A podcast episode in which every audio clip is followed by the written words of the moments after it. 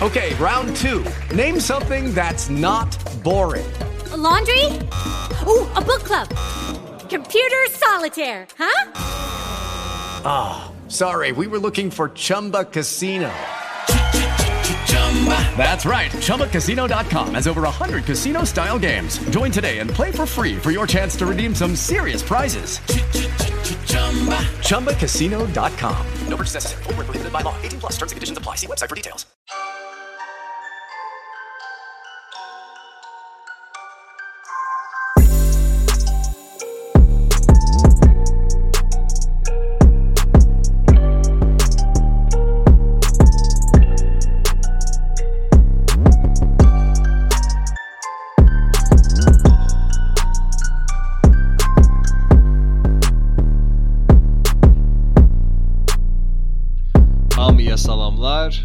Edirik ki, əhval-ruhiyyəniz çox yaxşıdır. Çünki bu gün bizim əhval-ruhiyyəmiz Ceyhunla bir yerdə əladır. Bəli, Yusif, çünki bu gün bizim podkastımızın beləçə yubileyidir. 10-cu buraxılışdır. Yəni iyuldan başladığımız proyekt nəhayət ki, elə alındı. Yəni milyard dənə çətinliklərdən sonra, milyard dəfə deyəndən sonrakı podkastı bağlayırıq. Amma elə alındı ki, biz axıra qədər getməli olduq və biz yəni bundan əz alırıq. Sizə də bütün bizə qulaq asan 10-cu podkasta qədər qulaq asanlara, bizə dəstək göstərənlərə, bizim qonaqlara hamınıza təşəkkür edirik ki, bu çətin yolda bizimlə bir yerdə oldunuz.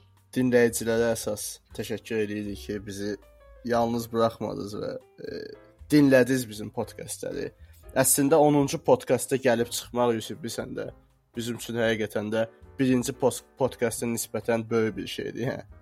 Yəni zarafatsız və bundan sonra ancaq çox maraqlı söhbətlər olacaq və ümid edirik ki, hamımızın xoşuna gələcək. Maraqlı söhbətlər deyəndə də ki, bizim ikinci sezon başlayandan hər gün, hər dəfə hər podkast maraqlı qonaqlarımız olur və bu podkastda bizim çox maraqlı qonağımız var. Böyük bir ehtimal rep dinləyiciləri qonağımızı tanıyır. Çünki bu adam yəni YouTube-da bütün replərin hamısının liriksini, hamısını dəqiqliklə başa salan adamdır. Söhbət Ramazanov Samirdən gedir. Eyo millət salam. Necəsən Samir, nə var, nə yox? Sağ olun, sağ olun. Siz necəsiz? Yaxşı, çox sağ ol. Məni normal eşidə bilirsiniz? Yes, yes, hər şey qaydasındadır. Okay. Əla, əla. Mən də şad oldum ki, sizin qonağınız oldum. Ümumiyyətlə mən podkastların xəstəsiyəm, yəni belə desək. Çox podkastlara baxıram və çox şadam ki, məni hansısa bir podkasta dəvət etdilər. Yəni mənə elə gəlir ki, sənin bizim podkastda olmağın çox zəruri idi, çünki bizim ük- ümumi ikinci sezon konsepti replə bağlı idi. Aha. Və Azərbaycanda sənin kimi rep biliyi olan, yəni mən, yəni onu insanlara göstərə bilən, başa sala bilən adam tanımıram və o cəhətdən sənin üçün sənin gəldiyinə görə çox sağ ol. Siz sağ olun, siz sağ olun.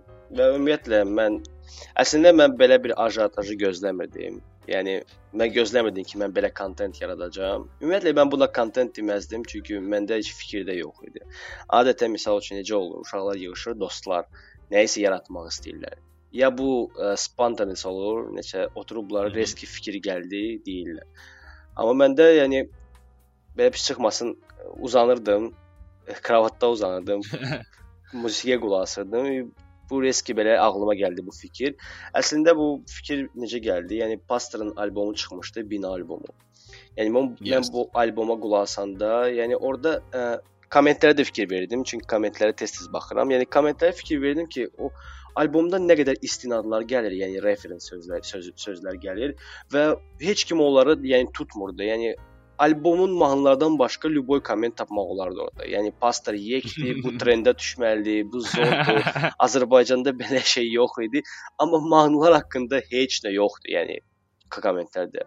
Və mən ə, əslində ə, mənim üçün, sırf mənim üçün ə, Pastor, yəni binadan əvvəl olan Pastor'ı mən necə deyim sizə, ə, ciddiyə qəbul etmirdim. Yəni mən ciddi reper Okey. kimi ona baxmırdım. Yəni mən açıq deyim. Nə olsun ki, onun 4 milyon baxışı var idi, yəni 3 milyon. Yəni mənim üçün bu Pastor sadəcə ə, necə deyim sizə, ruslar deyirlər, ya, временный.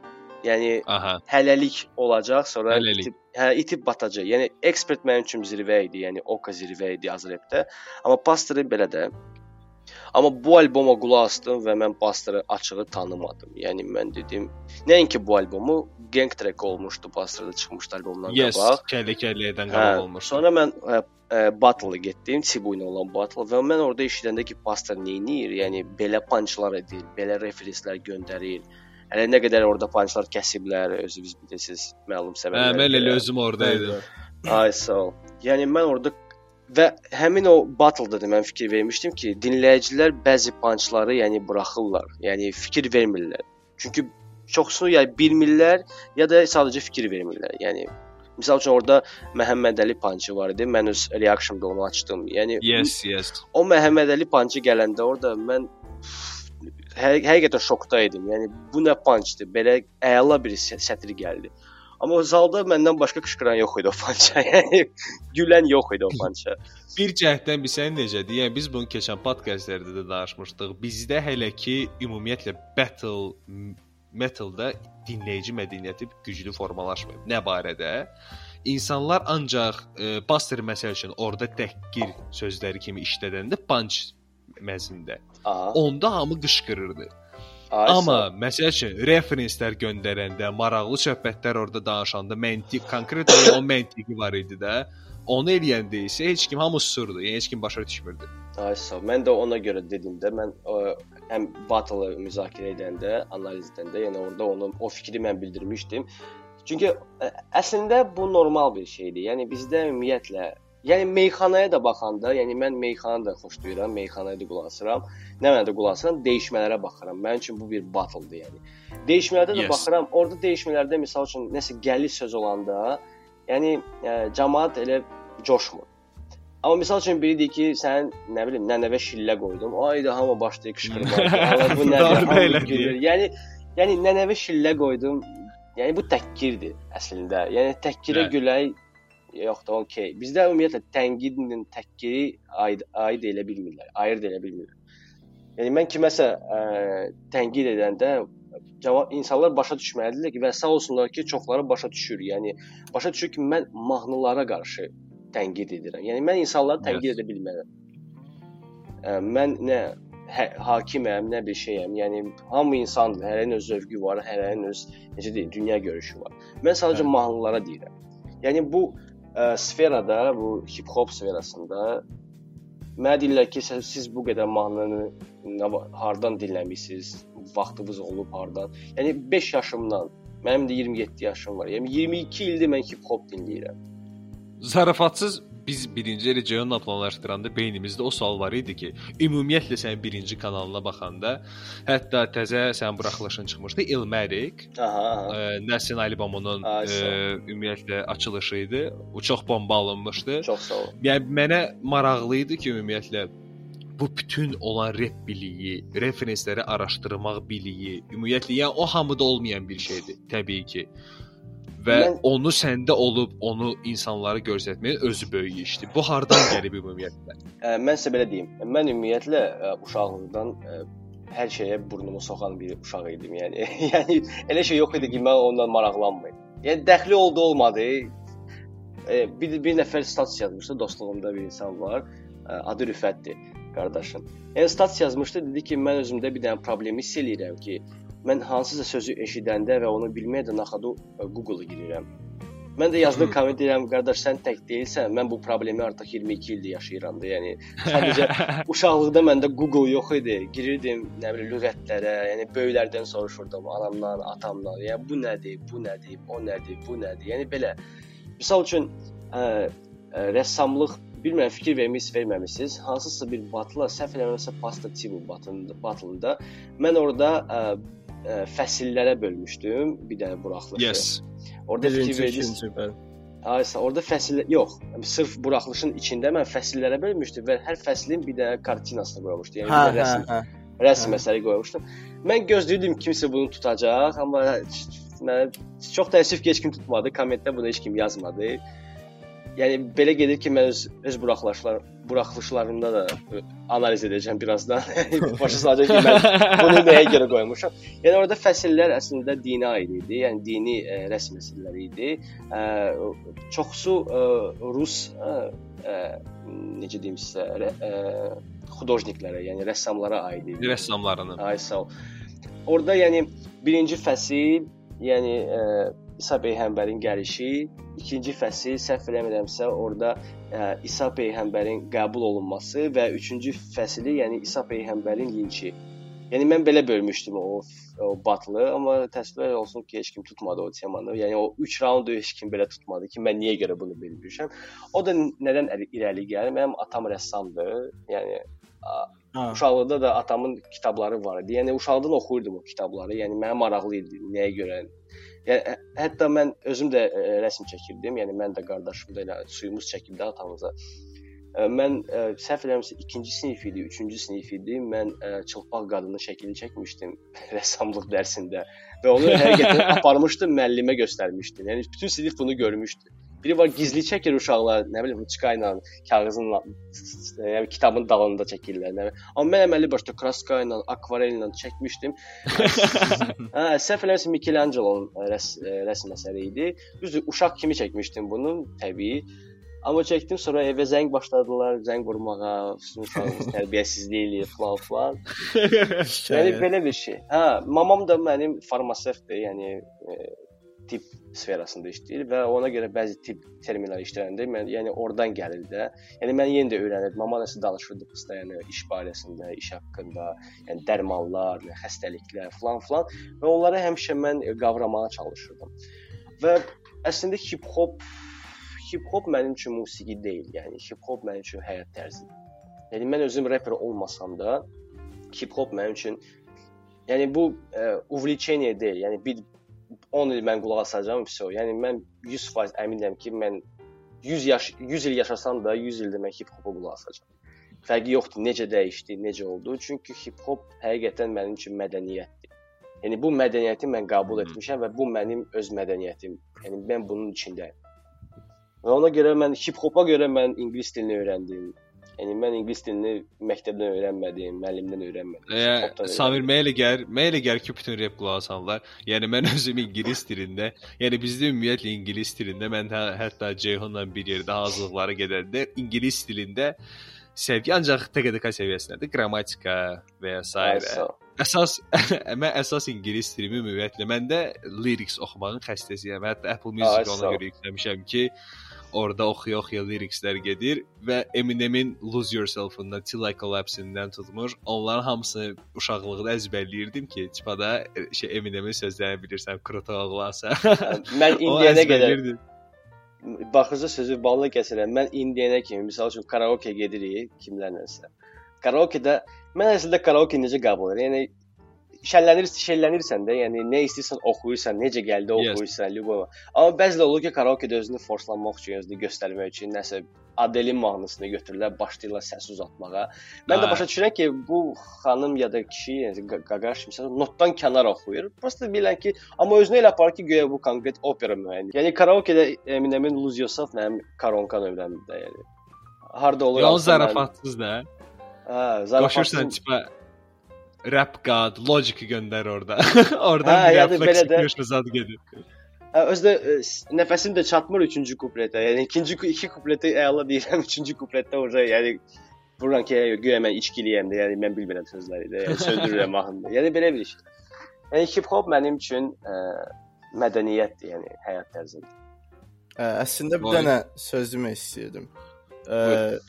Siz bir yağ məna mənadan danışdınız, amma bəzən insanlar primitiv düşünür. Hətta Samir sən bir videonda demişdin, ya bəzən müasir dünyada primitiv düşünmək lazımdır. Yəni yüksək fəlsəfəyə qalxsan, sən necə deyək, cəmiyyətdən uzaqlaşırsan və tək qalırsan. Cəmiyyət artıq səni başa düşmür. Ay sağ ol, ay sağ ol. Bir dənə Yəni- sual vermək istəyirəm sənə videolara baxandan Buyur. sonra. Yəni səhv başa düşməyəcəksənsə əgər. Buyur, Sən buyur. Yəni e, əsas belə deyim də videoların necə deyim mövzusu e, replərə baxırsan, analiz eləyirsən və referensləri göstərirsən ki, bu yerdən, bu yerdən və başqa yerdən referenslər gətirib reper. Bəzən elə fikirləşirsən ki, məsəl üçün Aha. Bəlkə rapper bunu demək istəməmişdi, mən çox dərinə getdim. Bəzən yox. Həmişə ə, çıxır. çox vaxtı. Çox vaxtı mən ə, həmişə də olmasa da hardasa 70 70 yox, 50 50-yədir. Yəni mən treklərə qulaq asanda, yəni elə olur ki, məsəl üçün 100%lıq referenslərdir. Məsəl üçün 2 vur 2-yə 4-dür Aha. də, yəni bunu hamı bilir.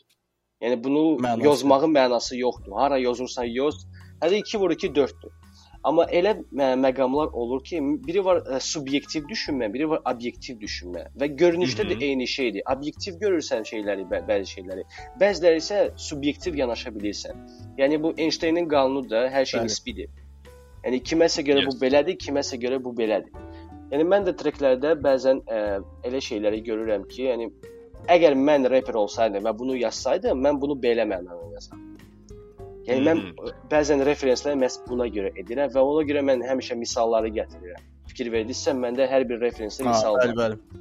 Yəni mən boş-boşuna boş-boşuna referens sübutunu da gətirirsən də ki, məsəl üçün bu yer, bu yerdə. Bəli, bəli. Ay sağ ol.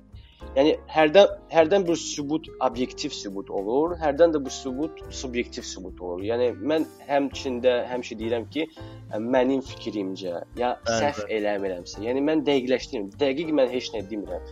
Mən sadəcə öz fikrimi bildirirəm hər bir rəyə, hər bir treka, hər bir liriksə. Yəni misal üçün mən ə, Genius-da da oxuyanda, yəni bu əvvəllər belə deyildi. Əvvəllər mən Genius oxuyurdum, yəni oradan Mhm. öyrənirdim. Məsəl üçün, hə, bu rapper buna belə deyib. Amma sonra ə, yaş artdıqca, dünya görüşü genişləndikcə mən fikir mən bəzi şeylər gördüm ki, yəni ə, Genius misal üçün bunu eləyir. Amma mən fikirləşirəm ki, yəni bu axı belə olmamalıdır. Yəni bunun açıqlaması başqacı da ola bilər. Və sonra допустим, ə, Drake çıxır və həmin sətri başqa cür ə, başa salır, necə ki mən Aha. onu qavramışam. Və mən tuturam ki, ə, Genius-da bəzi tərəflərdə subyektiv bir fikir bildirir. Yəni ə, necə deyim, bir tərəfini görür, o bir tərəfini görmür. Mən o bir tərəfini gördüm, amma bu tərəfini görmədim. Yəni belə bir şey. Aha. Mən daşı məndən soruşanda ki, mən nəhərdən soruşduq ki, gələn qonağımız kimdir? Mən mən açığı sənin heç adını demirəm. Mən deyirəm ki, Azərbaycanın geniusudur. mənim üçün mənim üçün zarafatsız beynimdə o ə, korrelasiya ilə qalıb ki, Samir Azərbaycan repinin bu saniyə, yəni əgər elə bir platforma Azərbaycanda nə vaxt yaransaydı, bunun başında böyük bir ehtimal Samir durmalı idi. Çünki Evet. referensləri Samir edir. İn- İndi bir də əslində ə, mən deyim sizə 2 il bundan qabaq mən Azərbaycanda Genius yaratmaq istəmişdim əslində. Hoppa. Ay sağ. Mən Genius yaratmaq istəmişdim. Yəni mən ə, mən əvvəldə ə, yəni podkastın əvvəlində demişdik ki, məndə bu dər, ə, qəflətən oldu ki, mən bu videonu yaratdım. Yəni video özü qəflətən oldu, amma belə bir fikir, yəni bunu heç kimə demirdim əslində. Bir dənə qardaşım Mhm. bilirdi. Yəni mən heç kimlə paylaşmırdım. Dedim ki, eləyəndən sonra deyərəm, yəni dostlarımla falandan paylaşaram. Və mən studiya axtarırdım. Orda ora artistləri dəvət eləmək istirdim. E, bir iki artistdən başlayacaqdım və sonra yavaş-yavaş e, dəvət edəcəkdim hamısını. Fikirləşirdim ki, bu proyekt gedəcək. Prosta e, studiya pulu, yəni e, flan pulu, mikrofon pulu, svodka pulu, o pulu, yəni bu maddi cəhətdən görə, cəhətinə görə mən məndə alınmadı bunu etməyə. Ona görə mən onun başını buraxdım, amma yenə də fikrimdə var idi. Və sonra fikirləşdim ki, yəni mən Amerikada reaksiyalara baxırdım. Ə, Amerikada bu tema çox populyardır, yəni Amerika, Britaniyada elə də yox, amma Yes. Amerikada bu çox populyardır. Yəni var elə ə, blogerlər var ki, yəni reaction edirlər sadəcə, yəni baxırsa yığmaq üçün. Məsəl üçün ə, This is America treki çıxanda Childish Gambino. Yəni Childish Gambino. elə bloger qalmadı ki, onu reaction etməsin. Yəni hamı elədi. Bütün blogerlər Amerikada bunu elədi. Amma onlar sadəcə baxırdılar, yəni necə deyim? O, bu nə bomba şeydir. Oy da burada bunu niyə elədi? Yəni burada buraya niyə elədi? Amma iki dənə bloger, iki dənə sırf ə, hip-hop reactionla məşğul olan insanları mən izləyirdim. Ə, Twins Brothers-dır səhv eləmirəmsə bir kanalın adı.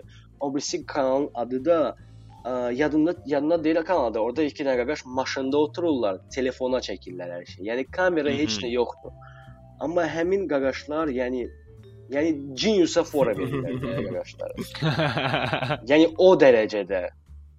Mən də bunlara baxdım və deyirəm ki, mənim onlardan nə əskidir, yəni mən də belə şey eləyə bilərəm. Yəni mən də o fikirdəyəm. Mən hətta ə, hərdən bəlkə görmüsüz Biggie Smalls'un da ə, şey Bəli, eləmişdim, bəli, təhlil eləmişdim Yes, yes, yes, yes. Yəni mən orada nə Genius-a baxdım, nə bir şeyə baxdım. Yəni mən ümumiyyətlə trackləri ə, analiz etmirəm videodan qabaq. Mən tracki qoşuram, başlayıram onunla, yəni freestyle eləməyə. Yəni məndə freestyle-dır. Məndə olmur ki, mən ssenari yazım, nəsə hazırlaşım. Mən tracki basıram, yəni qoşuram, track gedir, mən başlayıram çəkməyə. Video olur 1 saatlıq, yəni 1 1 saat yarım, sonra başlayıram onu montaj etməyə yavaş-yavaş. Və belə. Əslində Ona görə mən dedim ki, bəlkə bizdə də əslində belə bir şey. bunu gedir. sual olaraq Bəli.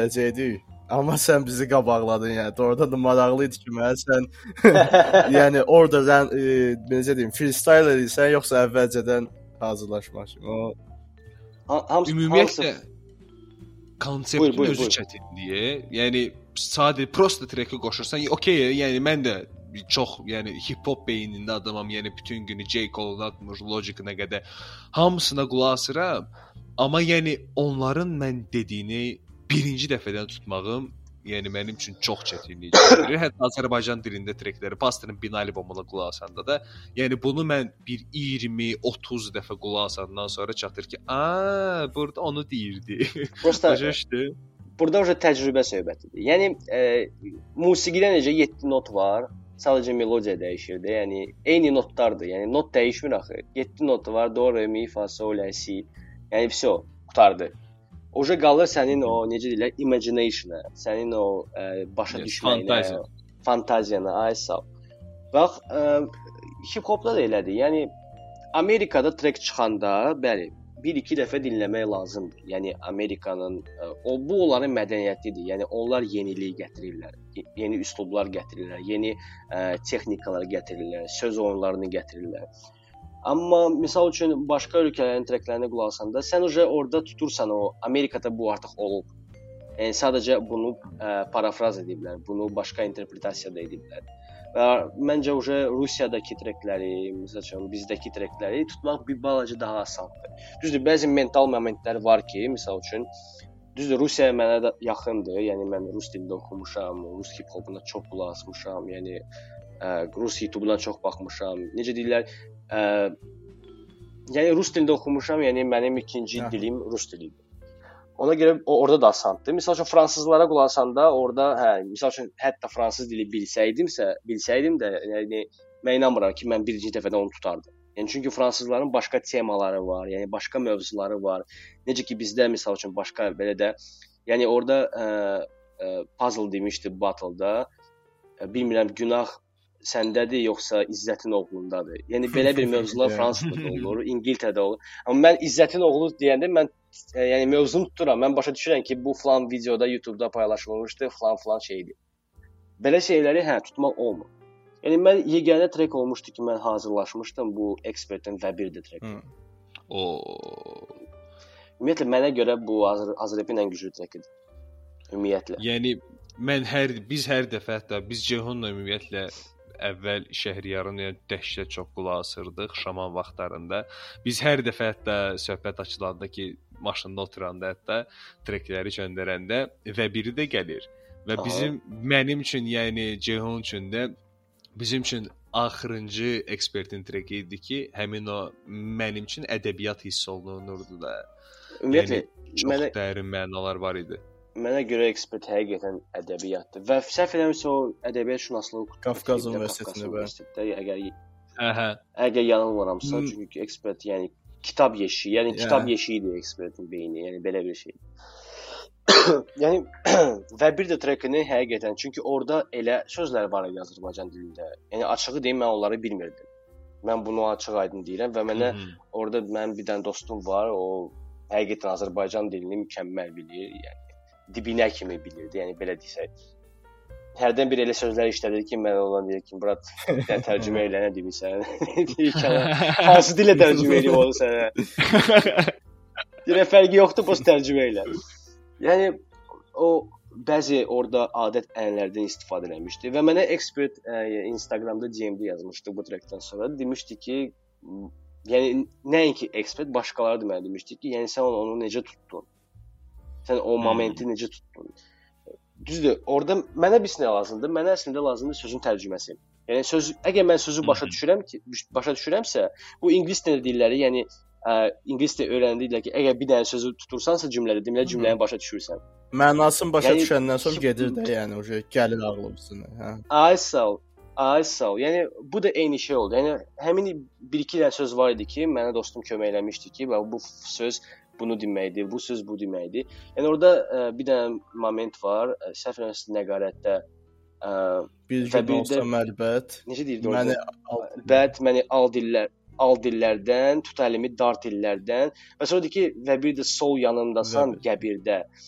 Yəni bu mən orada başa saldım ki, adət ənənə var belə bizim kəndlərimizdə. Yəni ə, Sol tərəfdə yoldaşını sol tərəfdən bastırırlar. Ay sağ. ol. Yəni bu o bəzi sözləri var ki, dostum kömək eləmişdi. Mənə demişdi ki, bu adət ənənə misal üçün bizdə var. Yəni mən də oturtdum ki, və mən onu araşdıranda və onu eləyəndə, yəni mən çox adam təəccübləndi ki, mən bunu hardan bildim. Çünki əslində bu trek və bir də treki əslində e, ekspertin e, onu sonradan artıq mənə dedilər ki, sən necə bunu tutmusan? Əslində bu trek ekspertin elə bir e, əvvəldən yazılmışdı necə e, ekspertin gələcək e, həyat yoldaşı üçün bir Hmm. məktub idi. Yəni belə bir trekdir. Hə, trek əslində Yəni- budur. Yəni bu trek sevgi trekidir əslində. Çox Ə- çox əslində qalsa, yəni sən bu zarafatsız da bunları fikirləşməyi ya adama ləzzət edir. Mənə elə gəlir ki, yəni ekspertin özünə ləzzət eləyib ki, nəhayət ki, neçə il trek çıxandan sonra mənim yazdığım sözləri kimsə başa Ay, düşdü. Və mən çox sevindim ki, ekspert mənə yazdı və bunu dedi. Yəni adama ləzzət edir ki, sən iş görürsən və sənin iş... həm ekspert ləzzət elədi ki, kimsə başa düşdü, həm mənə ləzzət elədi ki, ekspert bunu şey elədi də, yəni xoşuna gəldi ki, mən bunu başa düşdüm. Yəni deməli Samir mən sən hətta ə, axırıncı intervyunda deyimmi, yəni Murad Ariflə olan intervyuda aha, biraz ajotaj yaratmış söhbət var idi ki, ekspertlə OKB-in ədəbiyyatı Qaraqanınkindən 100% güclüdür.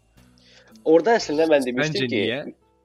İndi deyəcəm. Orada əslində bu Murad Arif özü provokasiya yaratdı. Yəni buna provokasiya demək olarsa da. Mən orada Qaraqanın adını çəkmirdim. Mən sadəcə öz fikrimi bildirdim. Yəni ekspert və Oka mənim üçün Azərbaycanın ən güclü şairləridir. A, edit Sonra- dondu. O, sonra o əlavə elədi ki, Qaraqandan da mən dedim 100%. Hə. Ha, okey, okey. Və mən orada başa saldım niyə görə 100% Qaraqandan güclüdür. Sadəcə onu kəsdilər. Yəni ə, proqramın vaxtı var idi və orada hər bir qonağın ə, müəyyən bir vaxtı olmalı idi, hər bir treka uyğun. Bu normal bir şeydir, kəsdi. Ə, niyə görə Qaraqandan güclüdür? Çünki Qaraqan yazıçıdır.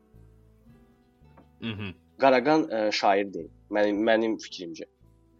Yəni mən bunu Yeah. əsl Əslində mən bunu Qaraqanla oturub Qaraqana da bunu deyə bilərəm. Yəni mən bu haqqında diskussiya Qaraqanın özüylə də apara bilərəm və mən inanıram ki, sonda o mənimlə razılaşacaq. Yəni Qaraqan ümumiyyətlə bir tərəfdən yaxşı oldu ki, Azərbaycanda həmin moment çox gənc, ümumiyyətlə kitaba elə də həvəsi yox idi. Amma Qaraqan öz bir bir tərəfdən repindən və filmindən istifadə edərək kitablar yazmağa başladı. Ay sağ ol. Və bu kitablar da dayanmadan best-selling oldu, hansı ki çox gözəl idi. Çünki insanlar artıq Nitoşda təkcə Qaraqanın kitablarını oxumağa başladılar. Ümumiyyətlə kitab mədəniyyətinə də həvəs oyandı insanlarda. Mən sizə belə deyim, mən mənə deyirlər ki, məsəl üçün mən Qaraqanı qəsdən pisləyirəm, yəni xeytirəm Qara. Yox, bu əsla belə deyil. Mən dəfələrlə demişəm ki, Qaraqan Azərbaycanda, yəni tarix yazan bir insandır. Sadəcə onun ə, mənim üçün Qaraqan, yəni ə, hostun ə, hostun içində, yəni Qaraqan rep eləyirdi. Yəni rep sadəcə mahnı və söz deyil. Yəni rep ritmdir, rep vibe-dir, rep flow-dur. Yəni belə bir şeylərdir rep. Sadəcə mahnı və sözlər. Rusiyada bir dənə ə, şair demək olar, şair var. Adı yadımdan çıxıb onun. Onun bir dənə treki var. Nejnosti, nəsə belə bir şeydir. Okay. Onda cazvı mahnı gedir bir dənə. Yox, sadəcə üstündə şeiriyyət deyil. Yəni onda 50 Xayan da rapperdir. Onun da belə mahnıları var. yəni Əli Xayamın mahnıları e, Qaraqanın son mahnıları heç nəyə fərqlənmir. Niyə görə Qaraqan rapperdir, Əli Xayam yox? Çünki Əli Xəyam özünə reper demir. Məhz buna görə Əli Xəyam reper deyil. Təbii Mhm. ki, Yəni rap ona görə musiqisi ilə adi musiqi fərqlənməlidir. Yəni. 100%, 100% qardaş, 100%. Çünki ə, mən belə deyim, ə, Dostoyevski ilə Brodskini, yəni onların arasında nəsə oxşatmalar etmək məncə mənasızdır. Hə. Yəni nə Dostoyevski Brodski ola bilər, nə. Brodski Dostoyevski ola bilər. Və belə bir şey. Dostoyevski 7 günlük bir e, informasiyanı 400 sətrə yazdı. Yəni 400 səhifəyə yazdı. Yəni səhifələməsə e, cinayət və cəzada 7 günlük bir şeydir. Yadımda deyil, çoxdan da oxumuşam. 7 günlük bir olan bir şeydir. Ya 7 gün ya da bundan da az, amma 400 səhifəyə yazdı. Amma Brodski 1 ilin söhbətini Dörd sətr. 4 sətrə yazdı. Yəni bunu Aysa bunun fərqinə varmaq lazımdır. Yəni ekspert şairdir, Oka şairdir. Onlar kitab yazan deyillər. Amma Qaraqan yox. Qaraqan əməlli başlı Hı. yazardı. Çox gözəl Yəni, məncə toxundun. İndi bir dənə sənə biraz mövzudan kənar sual verəcəm. Rap haqqındadır, amma yəni danışdığımız Buyurun. mövzudan kənar sualdır. Ə, səncə ə, rap küçə sənəti olaraq qalmalıdır? Yəni küçələrdə qalmalıdır, yoxsa inteqrasiya edib qırağa çıxmağı daha gözəldir? Ə, gəlin sizə belə deyim. Rap ümumiyyətlə ümumiyyətlə hər bir janr küçədə yaranır. Yes. Yalnız ə, klassik musiqi və opera Evet, küçədə yaranmır. Yəni bəlkə də o da küçədə yaranıb. Sadəcə mən onun tarihi, yəni küçədə heç kim Yeah. piano çalmır da. Yəni küçədə piano yoxdur. Ə, göt götürək misal üçün şeyi, ə, blues götürək. Yəni ən Aha. qədim Afrika, Amerikalı ən qədim ə, janrlardan biridir. Yəni cazdan da əvvəl blues olub. Yəni blues olub, gospel olub. Bu iki janr olub. Yəni gospel sırf ə, kilsələrdə olan bir janr, yəni baptistlərə aid idi. Yəni onlar oh happy day tu tu tu tu başlayırdılar. Yəni orada ə, necə deyim, malitvı falan falan hamısı başlayırdı. Amma blues musiqisi sırf necə deyim sizə, ə, sırf qulların musiqisi idi. Sırf qulların musiqisi idi. Və blues əvvəldən heç gitar da yox idi blues üçün. Yəni o ə, Muddy Waters'ın tanınmış bir mahnısı var. Ə, əslində həmin o ritm 4-5 mahnıda var Muddy Waters'da. Yəni bu əfsanəvi bluesmendir. Yəni ilk bluesmenlərdəndir ki, yəni qul olub, yəni fermada işləyib, yəni ağların ağlar onların rəisi idi. Sonra bu insan köçüb şəhərə, yəni oradan başlayıb bu musiqiçi olmağa. Halbuki heç bir təsiri yoxdur bu insan. Yəni bir də məşhur bir ritm var. My mother was gonna be the greatest man alive. But now I'm a man. Yəni bu ritmi o gitarın riffləri ilə oynamışdı.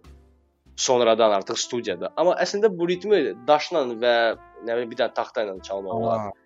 Yəni görsə daş taxta və blues yarandı. Yəni heç nə lazım deyil. Klassik musiqi üçün, yəni piano çalmaq üçün, yəni belə şey yoxdur. Yəni bu piano olmalı, ya var ya yox. Yəni onun başqa alternativi yoxdur. Eləcə də op operanı. Sənin səsin ya var ya yoxdur. Sən operanı, yəni səsi olmayan operanı oxuya bilməzsən. Burada artıq Yes. istedad lazım. Amma blues sırf bekarçılığın bir e, produktudur. Yəni bunlar hə, bunlar e, qul idilər. Yəni bunların boş vaxtı az idi. Boş vaxtı olanda nəsə mahnı oxuyurdular. Çünki bu Afrika Afrika mənşəlidir və Afrikalılar, yəni onların ə, necə deyim Şəraiti az olub. əqidəsi şəraiti az olub və əqidəsi də odur. Yəni Afrikanın e, premierlərə baxırsan, yəni orada bu şamanlar, vudu, mudu, həm hamısı musiqi ilə, yəni barabanla zaten belə daşlarla nəsə oynayırlar. Ay sağ ol. Bu oradan irəli gəlir. Prosta Amerikada onlar misal üçün ə, country music eşidirdilər. Yəni blues country ilə oxşardı. Country sadəcə ağların musiqisi idi, blues isə qaraların musiqisi idi. Və country musiqisini fərqli qavrayaraq onu bluza çevirdilər. Yəni belə demək olar. Yəni Afrikanın musiqisi və country musiqi birləşdi, oldu bu- a- e, blues alındı. Yəni belə bir şey. Ona görə ə, sonra blues çıxdı mainstreamə. Yəni Muddy Waters, ə, Bill Waters, sonra Ella Fitzgerald başladı. Yəni sonra jazz Yes, peyda yes. oldu. Yəni bluesdan sonra jazz gəldi. Jazzdan sonra soul gəldi. Yəni düzdür, ə, vaxt çox az vaxt idi onların arasında, amma yenə də yavaş-yavaş peyda olurdular. Soul, sonra R&B gəldi. Əslində çoxsu fikirləşir ki, R&B yəni bu 90-cı illərə aiddir. Yəni Rihanna, Beyoncé, nə bilim Madonna, Jennifer Lopez. Əslində bu artıq ə, başqa bir R&B, yəni neo R&B. Yəni R&B sırf ə, bluesdan gəlib, yəni rhythm and blues. Blues var idi, sadəcə gitarla riff idi. Sonra qoşdular ora bir dənə baraban qoşdular, oldu rhythm and blues, iyi belə R&B getdi. Bunu sadə dillə bir tərəfdən, bir tərəfdən hətta rap də cazdan çıxmış kimidir. 100%. Rap ümumiyyətlə blues, R&B, soul, funk, jazz, elektron musiqisinin birləşməsidir. Yəni rap Mhm. sample üzərində qurulub. Yəni gettoda Yes. 70-ci illərdə kasıb uşaqlar idi. Heç nə yox idi. Bir də ə, şey var idi onların. Maqnitofonu var idi, ya da ya da şeyi var idi. Ə, Qramofonu var idi. Üstündə plastinka var idi. Aha. Plastinkanı Aha. qoşurdular. Məsələn, sevdiyim mahnı, ən populyar mahnı e, Funky Drum deyirdilər buna. James Brown'un Funky Drum adlı bir treki var. Səhv eləmirəmsə Funky Drum adı onun. Yox, onun Mhm. adı Sex Machine-dir. Sex Machine. Yəni onu qoşurdular. Tut tut tut tut tut get up get on on. İyi başladılar ona fırlanmağa. Sağa, sola, sağa, sola, sağa, sola. İyi baş gördülər ki, insanların xoşuna gəlir bu. Yəni rap Mhm. necə hip hop necə yarandı? Yəni Kool Herc hip hopun atasıdır belə demək olarsa. Yəni Aha. öz bacısı üçün ad günü eləyirdi küçədə. Hansısa kiminsə xoşladığı trekləri qoşurdu və sadəcə onları sağa sola fırladırdı. Yəni bir dənə moment tuturdu. Orada deyirlər ki, rus dilində deyirlər tansivalniy moment. Yəni Aha. Oyun Ha, havası oyun bizim havası. dillə desək, oyun havasını aysa oyun havasını tuturdu və oyun havası ilə gedirdi. Lezginkada necə bir dənə oyun havası var, o sırf o moment var, sürətlənir, gedir, o momentdə cəmaət Sümüyünə düşən momentdə belə. Yəni orada da- Hə. Aysa, aysa tərəkəmədə məsəl üçün başlayır yavaş-yavaş, yavaş, sonra başlayır xotlamağa və o xotlanan moment cəmaətin sümüyünə işləyir. Hip-hopda da elədir. Hansısa mahnı götürürdülər, oradan bir momenti kəsirdilər, e, yalnız o momenti oynayırdılar. Üstünə bir dənə baraban zad qoyurdular, drop kick falan, ifsə qutardı. Oldu hip-hop. Əslində hip-hop yaranandan sonra rap ancaq 8 ildən, 9 ildən sonra yaranmağa başladı. Yəni rap hip-hopla bir yerdə yaranmadı. Mhm. Rap bundan sonra da inkişaf eləyəcək də, yəni deyirsiniz. Ondan da müxtəlif növlər çıxacaq. Müt mütləq 100 100%. Çünki rep mən bu underground məsələsinə qarşıyam. Düzdür, mən popsanı Aha. xoşlamıram. Mən popsan musiqini xoşlamıram. Mənə mənə görə popsa ümumiyyətlə pop söz, sözü necə nə sözdür? Pop sözü elə sözdür ki, yəni pop hər şey ola bilər. Yəni 90-cı illərdə, ə, 80-cı illərdə, 90-cı illərdə 90-da yox, amma 80-da, 70-də pop musiqi rock idi. Yəni Guns, Guns. N' Roses, Doors qrupu, yəni sonra 90-da Yes. Ni- Nirvana peyda oldu. Yəni bu qruplar O bunların hamısı pop idilər. Yəni pop nədir? Onu 100 mil, nə deyim sizə? 10 milyondan adam çox qulaq asırsa, deməli bu popdur. Bunu artıq hamı elə. bilir. Sadəcə sonradan pop musiqinin e, biraz şey elədilər də, ağını çıxartdılar. Yəni ancaq sevgi mövzusu, ancaq hip-hopda məsəl üçün ancaq seks mövzusu, ancaq ə, narkotik mövzusu, yəni belə söhbətlər. Drugs, rock and roll da. Yes, yes, yes. Rockda da eyni şey olur. İnansız cazın da papsası var. Operanın da papsası var. Funk'ın da papsası var. Yeni rock'un da papsası var. Hər şeyin papsası var. Yəni hər şeyin ağını çıxarda bilib çıxartmaq olar. Yəni elə janrı yoxdur ki, dünyada desinlər deyirlər ki, yox o bunda papsa yoxdur, bu necə var elədir qalıb. Əgər hansısa bir şey necə var, məsəl üçün insan, əgər insan 10 o- 18 yaşda 10 yaşlı insan kimi düşünürsə, deməli bu insan inkişaf eləməyib. Bu yaxşıdır sizcə? Əlbəttə ki. Yox. Əlbəttə ki, yox. Musiqi də elə bir şeydir. Musiqi də inkişaf eləməlidir. İndi rap pop musiqidir. Çünki hamı rap eləmək istəyir. Yəni Billboardun. Billboardun yüzlüyünə baxırsan, 70 dənə track rapdir. Hə, hamısı rapdir. Ya da rap rapçi olmasa da orada hansısa fit var. Yəni Ariana Grande kimlənsə fit oxudu, o birinci yerdədir. Yes. Ha belə bir şey. Çünki rap mütləq Ümumiyyətlə Samir sən özün bütün günü, yəni özün də dedin ki, pop mədəniyyətinin içindəsən, sən özündə dayanmadan e, referenslər eləyirsən. Mənə ümumiyyətlə videolarından baxandan bir dənə beynimdə sual qalıb.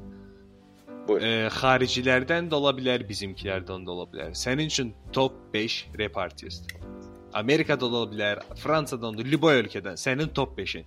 İnansız mənə bu sual bilirsiniz ləzzət eləyir. Çünki mən həmişə ə, bu sualı mən birinci dəfə mən bu yaxınlarda yeraltı verilişinə çıxdım. İctimaidə gedən yes. veriliş, ora qonaq oldum. Yəni orada da o sualı mənə verdilər. Sadəcə orada o sualı mənə axırda verdilər.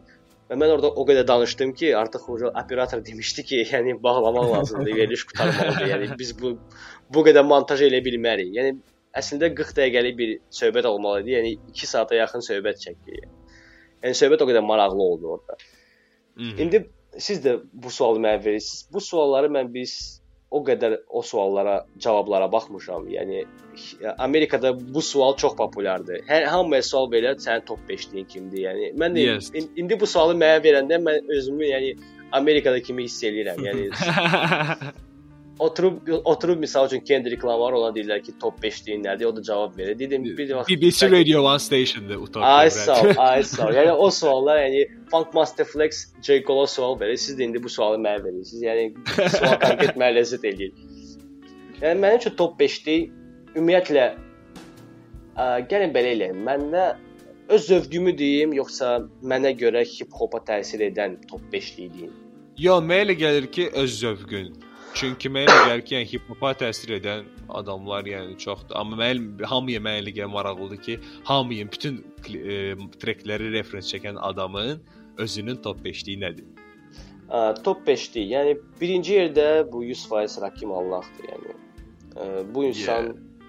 həm mənə görə birinci yerdə, həm influensə görə də birinci yerdədir. Yəni təsir edən, Mhm. ilhamlandıran da. Yəni səhv eləmirəmsə bir 10 il əvvəl ə, hip-hop tarixində Icon seçilmişdi. Yəni bir nominasiya Yes, var idi. yes. Icon verilmişdi. Heç Rakimin xəbəri yox idi, yazıq evdə otururdu. Heç xəbəri yox idi ki, o Icon verirlər. Yəni o səhv eləmirəmsə bunu ə, kimdən öyrənmişdi? Fat Joe-dan öyrənmişdi ya da Marley Moll-dan öyrənmişdi. Zəng vurdular Oydu, dedilər ki, Fat Rakim Joe. sən Iconsan. Yəni belə bir şey.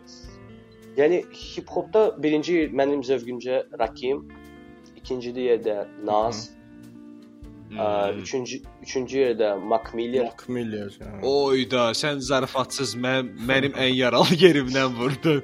Hmm, Mac Mac Miller Miller. yəni, Yəni mənim üçün çox əjdaha adamı idi. Yəni mənim üçün 2 il əvvəl 7-ci 7 sentyabr, yəni qohumlarım öləndə mən o qədər ağlamırdım özüm Mac Miller öldü. Yəni Mac Miller öləndə həqiqətən həmin o sonra onun konserti çıxmışdı. Yəni bütün e, rapperlər tanınmışlar. Yes, yes. Onun mahnılarını ifa edirdilər. Yəni mən dayana bilmirdim də, yəni sellər açılmışdı gözlərimdən belə demək olarsa. Yəni Mac Miller mənim üçün o Mac Millerin bir dənə kredosu var, yəni bütün dünyada. Ona deyirlər ki, bizim tanımadığımız ən yaxın dostumuzdur. Doğrudan elə idi. Yəni, Yəni- yəni adam doğrudan elə idi. Trekləri ilə adamı özünə elə yaxın hiss elətdirir. Həqiqətən həqiqətən bu o olur insanlar var ki, özünü yaxın hiss edirlər, sən istəmirsən, amma sən istəsən ki, Mac Miller sən özünü sənə yaxın hiss eləsin. O belə bir insandır. Yəni Rakim, Nas, Mac Miller ə, qruplar da var misal üçün. Beastie Boys. Okay. Beastie Boys çox xoşuma gəlir. Yəni bu insanlar əcdavadır. Yəni çoxlar fikirləşirlər ki, Eminem ən birinci rapperdir. Yəni ağlardan belə populyar olan, amma əslində Beastie Boys revolyusiya etmişdilər dünya hip-hopunda. Yəni ilk Oba. qrup ilk qrup idi ki, onun albomu 10 milyon kopiyaya satılmışdı. Yəni License to Ill albomu. Hmm. O Eminemin Kamikaze albomunda şəkil var. E. Aha. O sırf License to Ill albomunu şəkil edir. Okay. Yəni o şəkildə Ucu- artıq o şəkildə. Adi yəni ucu ucu podkastda danışır. Samir ucu referensləri tapmağa başlayır. Hə. 5-ci yerdə əslində bu 5-ci yer çox çətindir seçməyə. Çünki o Çox qədər adam var çünki. o qədər təzələrdən kimisə demək istəyirəm. Amma köhnələrdən ə, misal üçün mən prosta o qədər albom dinləmişəm uşaqlar. O qədər albom dinləmişəm ki, yəni hər hər rapperin bir dənə əziz albomu var mənim yəni də. Mən o albomu deyən Seçim çoxdur deyə, yəni Amma seçə bilmirsən də çətinliyi. Hə, çoxdur həqiqətən. Amma gəlin belə deyək, 5-ci yerdə mən J. Cole-u seçərdim. Hmm. Oyda. beşi- Okay. 5-ci yerdə. Yəni Big-ini mən çıxıram 5-ci yerdən, J. Cole-u qoyuram. J. Cole inşallah, inşallah artıq 2020-ni bütün oturub saxladıq ki, J. Cole albom çıxardacaq. J. Cole bir heç nə çıxarmadı. İnşallah 2021-də o albom çıxacaq yəqin ki. Yəni mən ə, məndə ümumiyyətlə fanatlıq deyilən bir şey yoxdur. Mən fanat ola bilmirəm. Məndə belə fanat, yəni oturum, məsəl üçün mən ə, bəyəndiyim MC-lərin də mahnıları da tənqid edirəm. Yəni özümdə də asıram, fikirləşirəm, bu nədir? Bu nə yazılıb bu? Belə şey, belə belə mahnı yazmaq olar. Mən bundan yaxşı yazaram. Yəni belə fikirlər də olur məndə. Yəni J. Cole-un axırıncı albomu, yəni Dreamville-ı mən tutmuram. O collaboration albom var idi, çıxdı, yəni mixtape. kimi Aha, çıxdı, yes. çıxdı. Bütün o Onu- e, label ilə bir yerdə. Ay sağ, orada bir iki trek var, hə, xoşuma gəldi. gəldi. Ya Da Baby ilə bir dənə track var idi, feat var idi. O xoşuma gəldi. Hı -hı. Mən sırf J. Cole-un solo albomlarını tuturam. Yəni J. Cole bilirsinizsə, bilirsiniz ki, o e, heç vaxt fit eləmirdi albomlarda. Yəni belə bir insan. Yes, yes. Yəni J. Cole ə, mən belə deyim, mən J. Cole-u hələ Who That track-ından tanıyıram da. Yəni o Jay-Z ilə yavaş Oo. Rockefeller o tolika-tolika daxil olmuşdu. Yəni o vaxtdan J o Jay-Z-yə mahnılar yazırdı, Beyoncé mahnılar yazırdı. O vaxtdan sonra mən J. Cole tutmuşam da tanıyırdım onu, qulaq asırdım. Onun ə, o bir mahnısı var idi. Yadımdan çıxıb adı Sevgi haqqında idi. Baxışı da yaxşıdır deyim sizə. 100 milyona yaxın baxış var. Workout. A yaşa, a yaşa. Yeah, workout. yeah. Workout məndə hələ də qulaq asıram ona. Amma sənə deyim bu treka görə J. Cole hələ də utanır. O deyir, bir- Çünki çox adam tənqid eləmişdi, səhv eləmirəm. Əslində çox adamı onun üçün vecinə deyildi. Əslində onun tənqid edən bir insan var idi ki, o dedi ki, əgər o bunu deyibsə, yəni mən bu treki silməliyəm. Sadəcə labelın adından çıxmışdı trek, yəni silə bilmədi onu indiyənə kimi. Yəni söhbət Nazdan gəldi. Yəni Naz ə, J. Cole-un dostu Nazla işləyirdi. Naza o, o treki göstərdi. Dedi ki, J. Cole sənin fanatındır da. Dedi ki, Naz da qayıdıb cavab vermişdi. Mən dəqiq stat gətirmirəm, yəni təxmini deyirəm. Naz demişdi ki, yəni mənim fanatım belə pis mahnı yaza bilməzdi. O dərəcədə. E, o mahnı J. Cole-a konkret yer eləmişdi. Konkret. Hətta səhv eləmirəmsə, bütün e, mən təzəli cümləti 2020-nin axırında dekabrda belə bir tease var idi ki, J. Cole albom çıxardır, hamımız gözləyirdik Aha. və elə oldu ki, e, YouTube J. Cole-un YouTube kanalında köhnə video klipləri çıxmağa başladı. Hələ, Və hələ, bunların içində workout da var idi. Mənə gəlir silmişdi və neçə ildən sonra mənə gəlir bəlkə də klipini bəlkə də YouTube uje öz kanalında buraxmışdı onu bəlkə də, hə. Amma orada düzdür indi onu eləyə bilər. Çünki indi o J. Cole artıq adı var. Yəni J. Cole artıq ə, ağır çəkili bir rapperdir. Yəni influencer var, hər şeyi var, təsiri var. Yəni pulu var, hər şeyi var bu insanın. Yəni o indi çəkinmir ki, hə mən belə trek eləmişəm, okey. Eləmişəm, eləmişəm, keçmişimdir, danmıram. Amma əvvəllər başlayanda, yəni buna biraz pis təsir elədi ki, Naz bunun haqqında belə şeydir və o ə, o Born Sinner albomu çıxmamışdan qabaq bir single buraxdı. I Let Naz Down da. Yəni mən Nazı ə, necə deyim? Tərcümədə necə deyim onu? Mən Nazı gözlənsin. Ay, ümidlərini doğru- doğrultmadı. ümidlərini doğrultmadım. Yəni mahnı belə gedir. Və Naz bu trek e, bu trek konkret oldu, viral oldu. Yəni hamı qulaq asdı, yəni YouTube-da falan, yəni Spot- Spotify, Spotify yox idi o vaxt. iTunes, iTunes hər yerdə var idi. Hı -hı. Yəni Naz bunu eşidəndən sonra ondan fit yazdırdı. Yəni o dərəcədə. Və Born Sinner albomu çıxanda, yəni Born Sinner də artıq bir referensdir. Yəni bu e, Biggie Smalls'a olan bir referensdir. Yəni Born Sinner e, Biggie Smalls'da belə bir sətr var. E, I'm born sinner, remember yox, belə deyildi. Yadından çıxdı sətri, o Juicy trackində bir belə sətri var. Orada Born Sinner sözü işlədir və həmin o trackdə də o e, Juicy trackindən bir sample var. J. Cole'da. Və bu albom həqiqətən məni sarsıtdı. Yəni mən indiyənə ki yadımdadır, mən harasa gedirdim. e, Metrodan tez istifadə edirdim. Halbuki mən ba özüm bayalda qalıram. Yəni mənə metro lazım deyil şəhərə getmək üçün. Avtobus var, yəni taksi, peşkomba belə. Amma mən harasa uzaqlara gedirdim. 2 həftə var idi. Bir oje yadımda deyil hara gedirdim. Yəni metroda, yəni bu 2 həftə bu albom mənim qulağımda idi. Yəni dayanmadan. Orada Real Niggas, yox, Real Niggas deyil. Niggas nəsə adlı track var idi. Dayanmadan qulaq asırdım yəni treka. Yəni çox güclü iş idi. Və sonra əlbəttə ki, klassika çıxdı da, yəni Forest Hills, Drive, yəni bu albom hələ də O albomlar ümumiyyətlə Kolun ə, elə bir konkret şeydir də, izumudur da. Yəni o albomlar olmasaydı Hətta o albom mən sizə belə deyim, o o albom yəni renesansdır. Kolun renesansıdır. Yəni mən inanmıram Kol nə vaxtsa bundan güclü albom eləyər əslində. Yəni hər kəsin tarixində yəni belə bir bir dənə güclü albom var ki, o bunu işte ondan güclü albom olmur. Güclü albomlar olur, amma yəni klassika olmur bunun kimi. Hər kəs xatırlayacaq ki, Forest Hill Drive olar. Yəni bu albom Grammy almayanda mən həqiqətən dəli olmuşdum yəni. Yo Grammy-ni уже mən уже Grammy-ni ə, Weekend-dən sonra vəbşi priznavать eləmirəm. yəni axırıncı zarafatsız axırıncı söhbətlərdən sonra o Grammy-di, hətta Oscar-da yeni bir Yo. regulationlar çıxdı ki, 100%, gərək 100%. sastavda gay olsun ki, film Oscar-a getsin. Like, what Hə, the fuck, ay sağ ol. Yəni bu düzdür, bu addımlar başa düşülən addımlardır. Yəni Sadəcə biraz ağını çıxardırlar məncə. Müasir dünya ilə ayaqlaşmaq O, lazımdır. Məncə onlar çoxdan ayaqlaşıblar. Düzdür, e, yəni artıq Ku Klux Klan yoxdur da, Yəni. yəni qaraları heç kim öldürmür. Düzdür, düzdür. Amerikada polis hələ də belə bir şeylərlə məşğuldur. Yəni yəni qara görən, yəni rasizm var onlarda. E, ilkçilik onlarda var, o heç.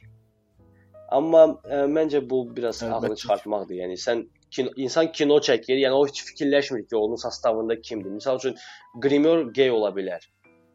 Yəni o hardan bilsin Grimor gaydir? Yəni belə seçsin. Sən o zarafatlar olmuşdu, memlər olmuşdu işə qəbul olmaq üçün. Yəni Hə. deyir ki, sən gaysən, hə, ona görə ona görə sən rejissor ola bilərsən. Yəni vəsə.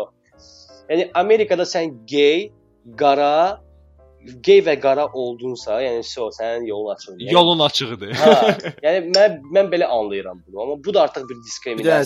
serial var, şey, Yəni, Brooklyn Nine-lə üzr istəyirəm sözünüz kəsəm. Orda məsəl üçün serialda Aha. baş qəhrəmanlardan biri gey və qaradır və kapitandır, polis kapitanıdır. Bir də şey. yəni bu mümkün olmayan bir şeydir. Nə bilim, bu ağını çıxartmaq da. Amma bu Grammy məsələsi düzdür. Obşi Grammy mən götürmürəm, amma Rap Grammy-yə hələ də ümidlərim var idi 2014-cü ilə qədər. Amma bu açığı Macklemore-un albomu da yaxşı idi. Mən açığı deyim. Macklemore, Macklemore-da bilsən necə oldu Samir?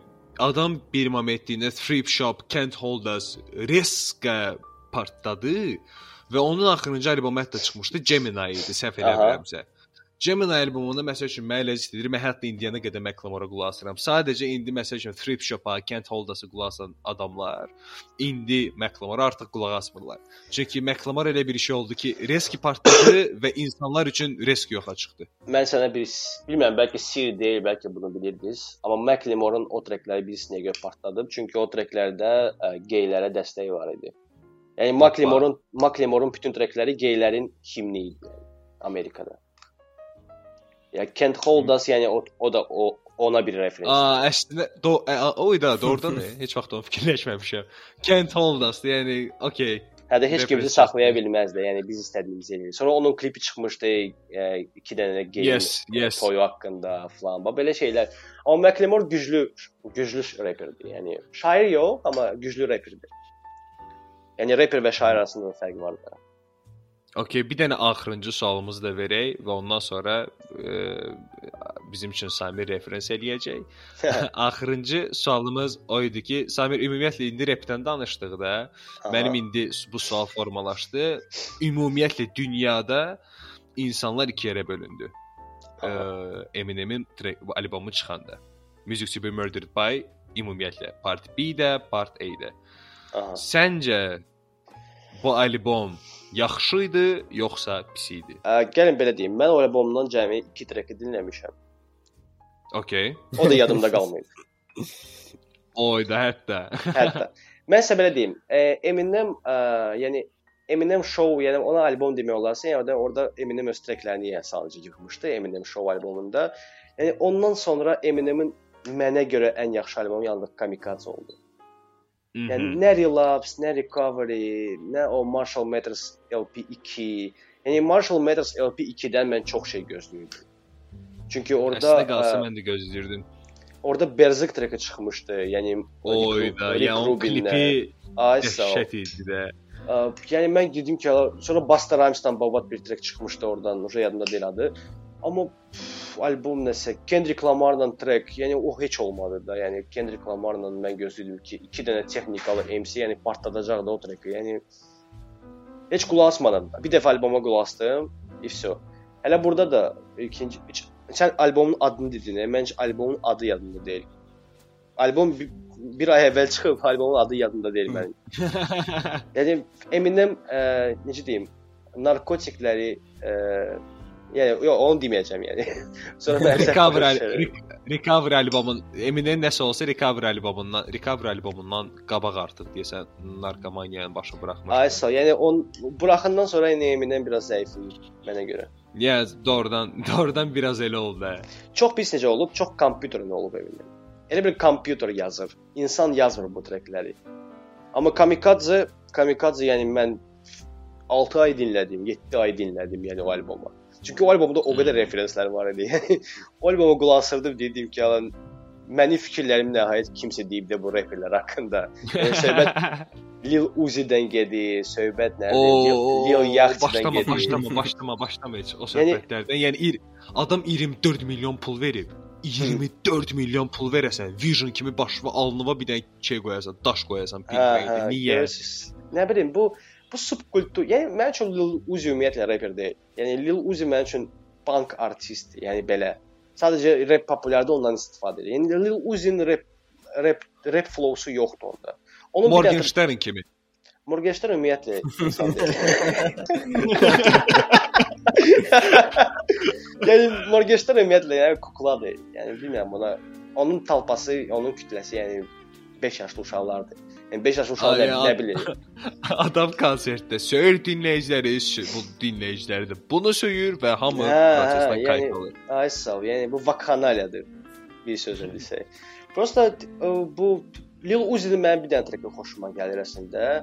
Push Me to the Edge. Səhv eləmirəmsə adı belədir. Orda nəqarəti əladır. Yəni All my friends are dead, push me to the edge. Aa, okey, o mahnını eşitmişəm hə. Hə, yox, X XO, XO. Trekin adı XO-dur, XO. Orada elə Weekend, Hı. Weekend klipdə çəkilmişdi səhv eləmirəmsə. Yes. Yəni amma Lil Uzi Lil Uzi-dir, yəni Lil Yachty-dir, Lil Peep-dir. Yəni nə bilim, mənim Lillərdən ancaq Lil Wayne. Oh, yaxşı mövzu toxundun. Lil Wayne. Ə, Lil Wayne çox güclü rapper. Həqiqətən çox. Amma mən Lil Wayne-ə qulaq asa bilmirəm. Onun səsinə görə. Yəni o qədər iyrənc səslənir mənə görə. Yəni mənim qulaqlarım bunu qəbul edə bilmir. Niyə?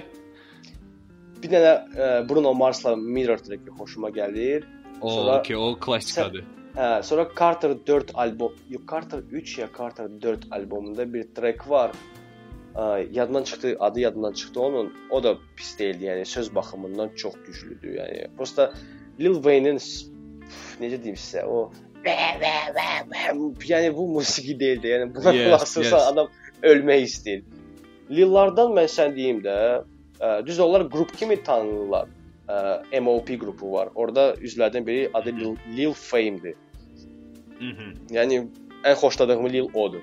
Yəni belə deyim. Hə, Samir, biz xarici replərdən danışdıq. Sənə bir dənə sual verəcəm. İndi bəlkə də e, bu Buyur. biraz çeynənilmiş sual ola bilər. Çox işlənmiş sualda belə deyək. E, Azrepdən gələcək gözləntilərin nədir? Yəni nə gözləyirsən Azrepdən gələcək? Yəni belə bir adam var ki, beynində tutalım ki, deyirsən ki, bu adam hətta tanınmamış ola da bilər, tanınmış da ola bilər, çox mainstream də olmaya bilər, ola da bilər. Deyirsən ki, bu adam gələcək, gələcək illərdə Azrepi dəyişdirəcək. Ə, gəl belə deyim sizə. Ə, sırf Azərbaycan dilində deyən imsləri deyirəm də. Yəni bizdə başqa dildə deyənlər var, amma mən sırf Azərbaycan dilində deyənlər deyəcəm. Mənə görə, yəni mən Efraimlə Eynullahı tutmuram. Yəni onlar artıq ə, düzdür, məncə onlar dəyişməlidirlər stili. Onlar stili dəyişsələr, yəni partladacaqlar. Yəni indi pastor partladığı kimi onlar da partladacaqlar. Yəni o dərəcədə. Çünki çox xoşuma gəlir o uşaqlar, yəni əla. Düzdür, mənim zövqümə uyğundur. Yəni mən funky, jazz belə temaları xoşlayıram. Yes, yes. Bu 90-cı illərin hip-hopunu, boom bap zat. Amma ə, məncə biraz ə, irəli getmək lazımdır onlar üçün. Sonra ə, Rio. Rio tənbəllik etməsə, Rio bu yaxınlarda çox babat bir işlər görəcək. Yəni Rion o deyəsən klipi çıxmalıdır elə qara çuxurda hasıl. Bilirəm, hə çıxmalıdır. İndi mən də onu gözləyirəm. Sadəcə bu o treki partlatdı, o ə, 470 ranini. Məncə ondan sonra o artıq 5 dənə trek də ucu buraxmalı idi. Amma yəni trek gəlmədi. Yəni bu biraz tənbəllikdən irəli gəlir, insanın tənbəlliyindən. Yəni indi o zamanə deyil ki, əvvəllər hə 2005-də, 2010-cu ildə studiya tapmaq çətin idi. Yəni gedirsən, yəni pulun yox. İndi studiyalar doldu Azərbaycan. Bakıda, Azərbaycanda yox, amma Bakıda doldu studiyalar. Yəni o qədər studiya var ki, yazdıra bilərsən. Sadəcə insan biraz tənbəllik edir mənim fikrimcə. Və bu yaxınlarda, bu yaxınlarda dünən ə, buna görə mən hətta Deezer-ə yüklədim. Mən əvvəl musiqini bumda dinləyirdim. Yəni pul musiqi çox vaxt məncə pullu dinləyirəm, çünki belə daha asandır. Yəni proqramı yükləyirəm, bütün musiqilər var içində. Yəni söhbət o 3-dən 3-4 dollardan getmir də, söhbət rahatlıqdan gedir. Və bu alboma Yes. görə mən Deezer-ə yüklədim, sırf bu albomu qulaq asmaq üçün. Ə, 21 rave o alboma qulaq asdım və o qaqaş məni konkret təəccübləndirdi.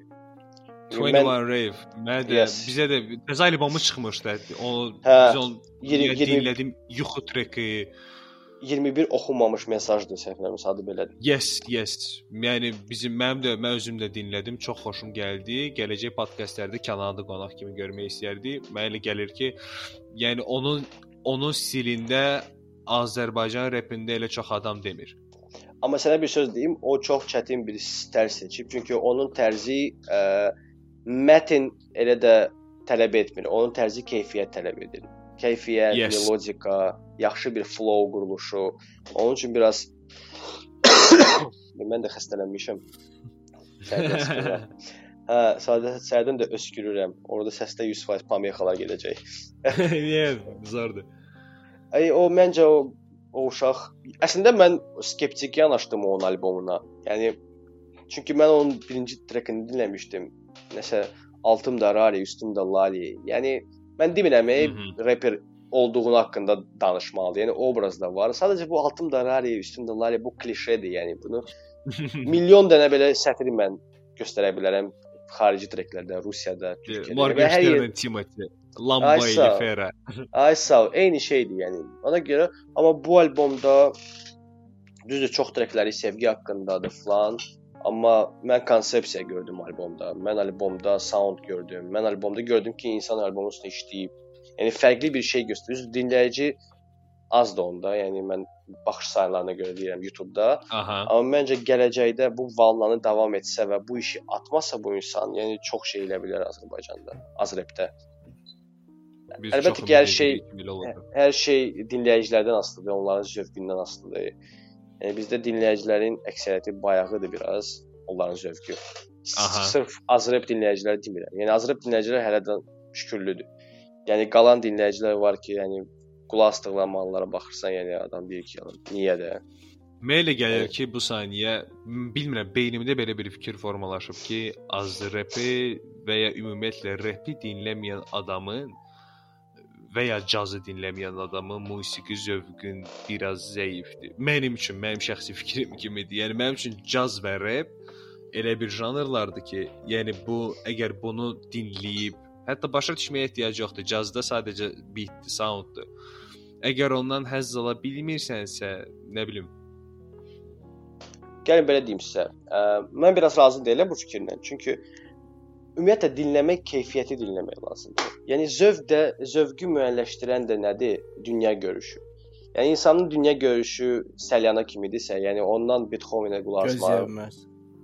nə bilim, gözləyə bilməz, yəni belə bir şey. Yəni bu bunu sadəcə fiqural olaraq deyirəm. Yəni dünya görüşdən çox şey asılıdır. Yəni elə insanlar tanıyıram ki, məsəl üçün roka qulaq asırlar, amma cazı xoşlamırlar. Yəni bu insanın zövqü yaxşıdır. Rokun baxırsan ki, hansı ifaçılar qulaq asırsan, yəni öyrənirsən ki, belə ifaçılar var. Yəni mənim mənim ətrafımda dostlar, tanışlar hamısı musiqiyə çox yaxın insanlardır da. Yəni onlar qulaq asır, çox şey öyrənirəm, kimisə kimsə məndən öyrənir. Yəni bu normal bir praktikadır. Sadəcə düzdür, caz, caz, caz fundamentaldır. Yəni amma caz belə janr kimi açığı təəssüflənirəm bunu deməkdə, amma caz ölüb janr kimi. Ölüb artıq. Yəni, Hətta bu bu təəssüflər haqda olsun. film var idi, multik var idi. Bu tez yaxınlarda Ə, Soul DreamWorks çəkmişdi. Soul. Yes, Soul. da duşa çox təsirli multfilmdir. Mən axırıncı dəfə multfilmi Nu Pagadiyə baxmışdım, yəni o vaxtlarda da. Və Birinci dəfədir mən bu bu Pixar-ın multiklərinə baxdım. Yəni mən nə Valley-yə baxırdım, nə Coco, Coco-nun sirridir, nə də belə bir multik də var idi. O çıxmışdı. Heç nəyə baxmırdım. Yəni axırıncı Pixar-ın multikinə baxdığım ə, səhv eləmirəmsə ya Nemo idi, ya Pocahontas idi. Yəni onlardan biri idi, yəni uşaqlıqda Okey. idi. Amma buna baxdım, yəni mən fikirləşdim ki, niyə görə belə bir süjetlə kino çəkmirlər? Yəni belə kino Süjeti çək çox zəngin idi, yəni. çox, çox həddindən artıq. Personajların açılışı, hər şey mən çox xoşuma gəldi. Yəni mən belə kino gözləyirəm bu yaxınlarda. İndi görək də nə olacaq.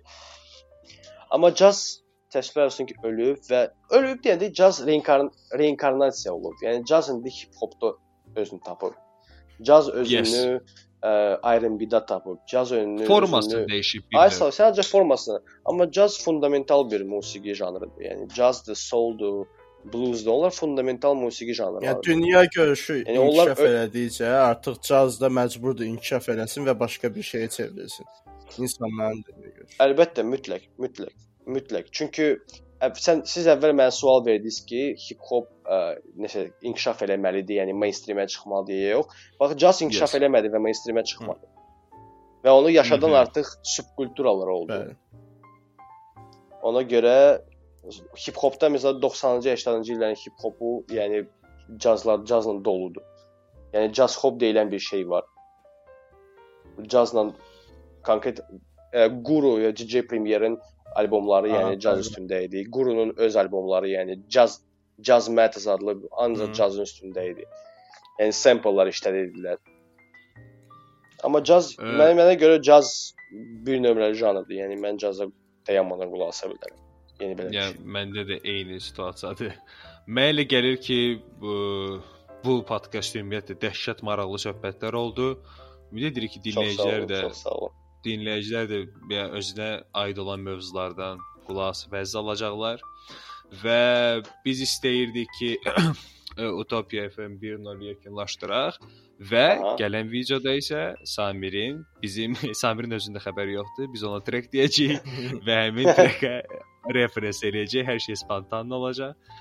Hamınıza çox Okey. sağ olun. Yəni mən mən gözləyirdim ki, bu verilişdə olacaq, onda ikinci verilişdə. Okey, problem yoxdur. Okay. Ə, YouTube-a abunə olmağı unutmayın. Çox sağ olun. Sağ olun. Gələn görüşlərə qədər. Peace. Lucky Land Casino asking people what's the weirdest place you've gotten lucky? Lucky? In line at the deli, I guess? Aha, in my dentist's office.